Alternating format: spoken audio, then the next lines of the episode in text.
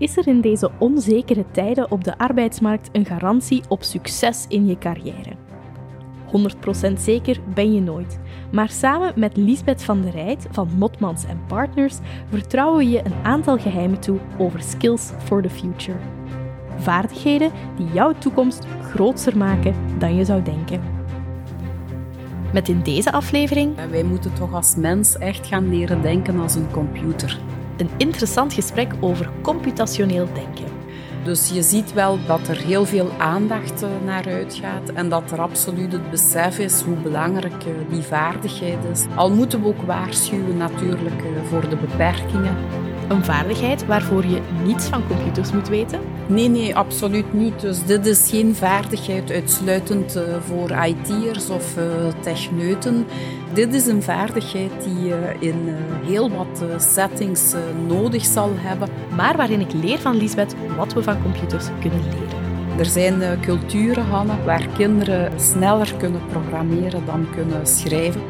Mijn naam is Hanne van Luiten. Welkom bij Skills for the Future.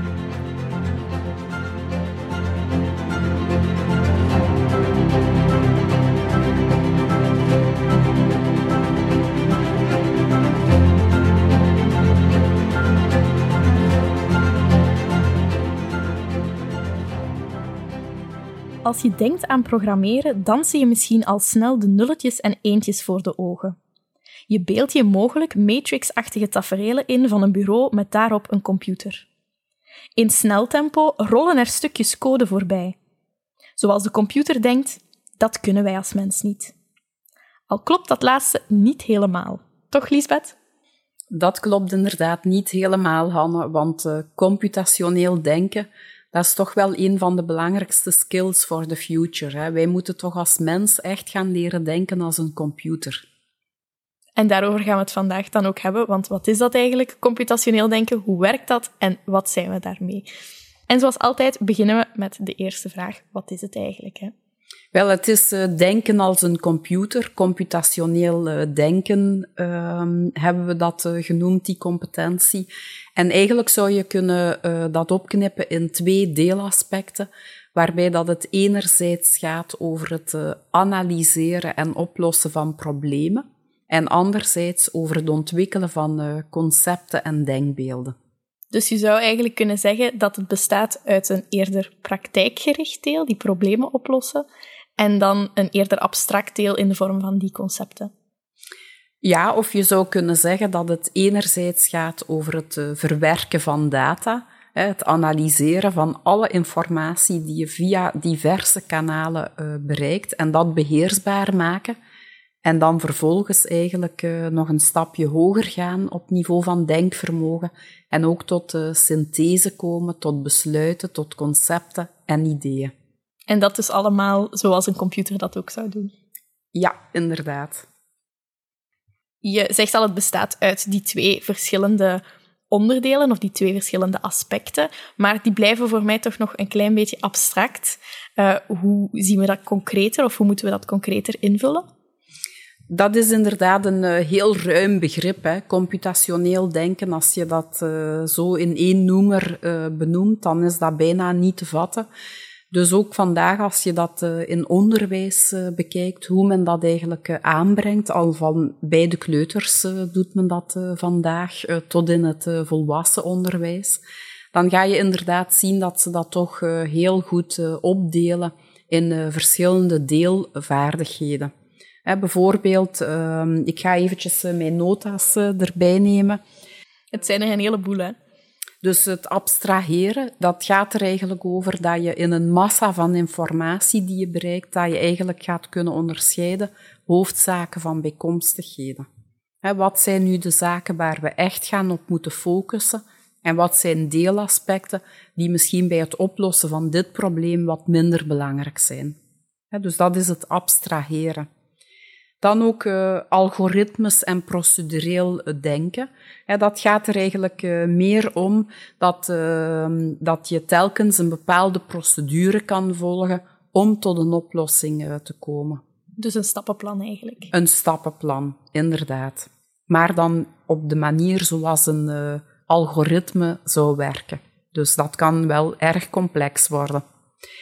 Dan ook het automatiseren waarbij dat we eigenlijk uh, leren programmeren, zeg maar, en standaard uh, procedures op een autos, automatische manier uh, kunnen laten verlopen. Debugging, dat is ook een belangrijk onderdeel. Dat kan je vergelijken met kritisch denken of valkuilen en hiaten zien. Of bijvoorbeeld het opsporen van fouten in analyses of procedures. En dan gaat het over denkfouten, neem ik aan. Ja, dat is ook zo. Het gaat eigenlijk uh, altijd over uh, denken, over analyseren, het oplossen van problemen en het ontwikkelen van uh, concepten. Dus in dat domein zitten we te kijken als we het hebben over deze competentie. Maar die competentie omvat nog veel meer. Want abstraheren, algoritmisch denken, automatiseren en debugging zijn nog maar het begin. Je hebt ook nog decompositie bijvoorbeeld. Het opdelen van complexe problemen in kleinere, meer behapbare problemen, die dus ook makkelijker op te lossen zijn. Daarnaast moet je om computationeel te denken ook goed kunnen omgaan met gegevens. Je moet ze kunnen analyseren, sorteren en voor jezelf en anderen inzichtelijk maken door ze te visualiseren. Ook parallellen zien is belangrijk. Zo kan je meerdere taken tegelijkertijd uitvoeren en je efficiëntie opdrijven.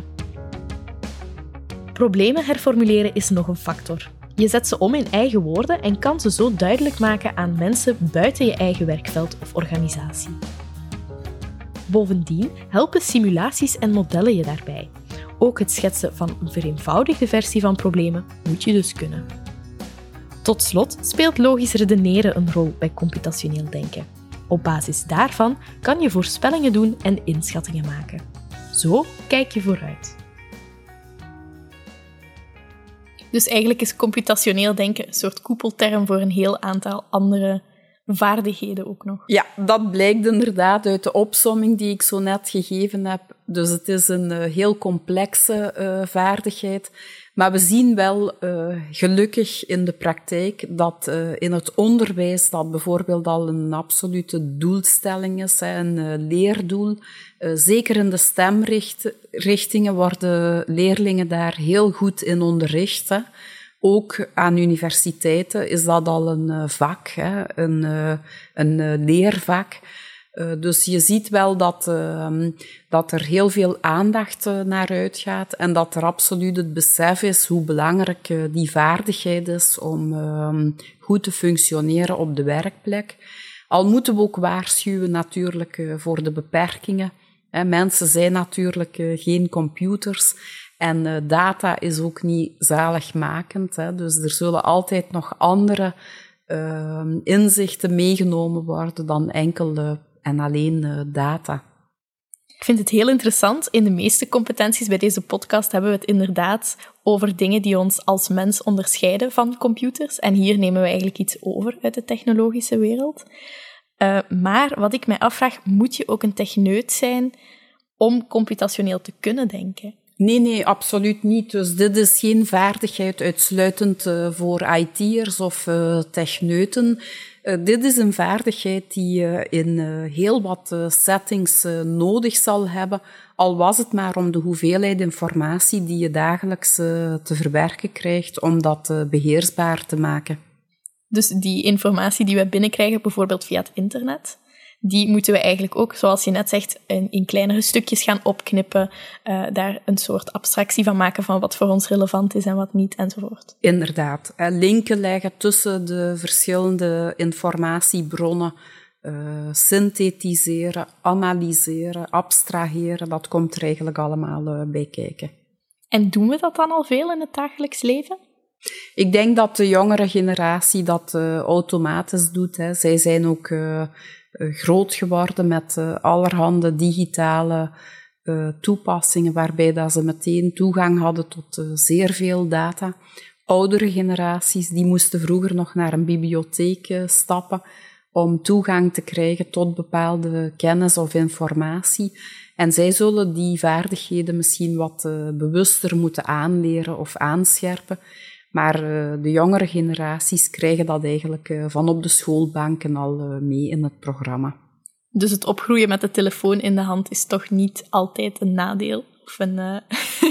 Wel, uh, met de telefoon, ik zou dan eerder voor de smartphone uh, kiezen als we het hebben over dataverwerking. Maar inderdaad, dus aldoende leert men. En ehm, als die mogelijkheid er nog niet geweest is, dan uh, kan dat eigenlijk wel aangescherpt worden. Maar er zijn uh, culturen, Hanne, waar kinderen uh, sneller kunnen programmeren dan kunnen schrijven, bijvoorbeeld. Um, dus dat is ook iets wat wel cultureel gebonden is. In bepaalde zones, bijvoorbeeld denk maar aan Indië, vindt men dat zeer belangrijk dat kinderen van heel erg jongs af aan kunnen denken als een computer, bij manier van spreken. En in andere culturen komt dat in uh, latere instantie aan bod. Maar we zullen allemaal die competenties onder de knie moeten krijgen. Natuurlijk gaan we in deze podcast ook altijd uh, back to business. Welk voordeel heeft computationeel denken op de werkvloer? Wel, het heeft natuurlijk als voordeel dat je uh, efficiënt uh, kan werken. Hè. Als je niet in staat bent om een massa informatie uh, te doorspitten, ja, dan gaat dat een enorme nadeel zijn. Hè. De snelheid wa waarmee dat we verwacht worden problemen te kunnen oplossen, ja, die ligt natuurlijk uh, heel hoog. En uh, we kunnen niet anders dan technieken aanleren om uh, snel problemen te analyseren, informatie te verwerken en tot conceptontwikkeling te komen. En is dat belangrijk in elke job? Ik denk dat in elke job uh, die toename van, uh, van data die ons bereikt aan de orde is. Hè. Alleen al interne communicatie die er verspreid wordt op een werkplek bijvoorbeeld. Um, we zijn ook allemaal verwacht dat we um, ja, toch wat op de hoogte zijn van wat er in de omgeving rond ons uh, leeft, uh, reilt en zeilt. Dus we kunnen niet anders dan veel informatie opnemen en verwerken. Denk je dat dat een handicap is op de arbeidsmarkt nu al, als je deze vaardigheid niet beschikt? Zeker. Dat is eh, denk ik echt uh, mensen die vandaag uh, niet vaardig zijn in het omgaan met grote hoeveelheden data ja, die uh, zullen dat zelf aan de lijve ondervinden, dat ze trager zijn dan uh, hun collega's, dat ze minder snel mee zijn, um, dat zij minder efficiënt uh, problemen kunnen oplossen en dat dat toch inderdaad een nadeel is. Kunnen bedrijven ook aanmoedigen dat mensen computationeel gaan denken of kunnen zij dat zelf mee in hun bedrijfscultuur opnemen? Ik denk dat dat een opdracht is van, uh, van beide partijen. Hè. Zowel werkgever als werknemer kunnen hier een uh, rol spelen. Werkgevers kunnen dat zeker stimuleren in de opleidingsplannen die ze voor hun medewerkers voorzien. Maar ik denk dat we als talent zelf ook aan zet zijn en dat we ook uh, op heel leuke manieren onze eigen competenties kunnen versterken. Uh, heel eenvoudig hier uh, bijvoorbeeld denksport. Hè. Ik denk dat dat uh, toch een uh, zeer gekende sport is, waar die heel veel mensen al beoefenen. Kan ook op een iPad of op een smartphone, kan heel gemakkelijk eigenlijk gebruikt worden. En dat zijn allemaal soms speelse technieken die onze competentie kunnen verbeteren. Ik vind het fijn dat je denksport aanhaalt, want het is zo dat computers daar ondertussen veel beter in zijn dan wij mensen, als het bijvoorbeeld over schaken gaat. Um, denk je dat wij ooit zo goed zullen worden in computationeel denken als de computer zelf? Wel, ik ben een believer. Ik denk dat, uh, dat uh, de mensen toch nog altijd uh, de winnaars zullen zijn omdat wij nog wel wat uh, voorsprong hebben. Wij hebben nog uh, de creatieve uh, vaardigheid als uniek um, gegeven natuurlijk en ook de emotionele intelligentie. Twee belangrijke vaardigheden die ons toch nog een enorme voorsprong geven op de computer. Dus ik denk toch dat we dat als mens zullen halen van de machine. Nu, er is een onderzoekster, Jeanette Wing heet ze, en zij is echt enorme voorstander van het computationeel denken. En je haalde ook al aan, wij gaan allemaal computationeel moeten leren denken, maar zij gaat eigenlijk nog een stapje verder en zij zegt, tegen het midden van de 21ste eeuw, dus binnen een kleine 500 jaar, Zal iedereen computationeel kunnen denken zoals we nu ook lezen, schrijven en rekenen?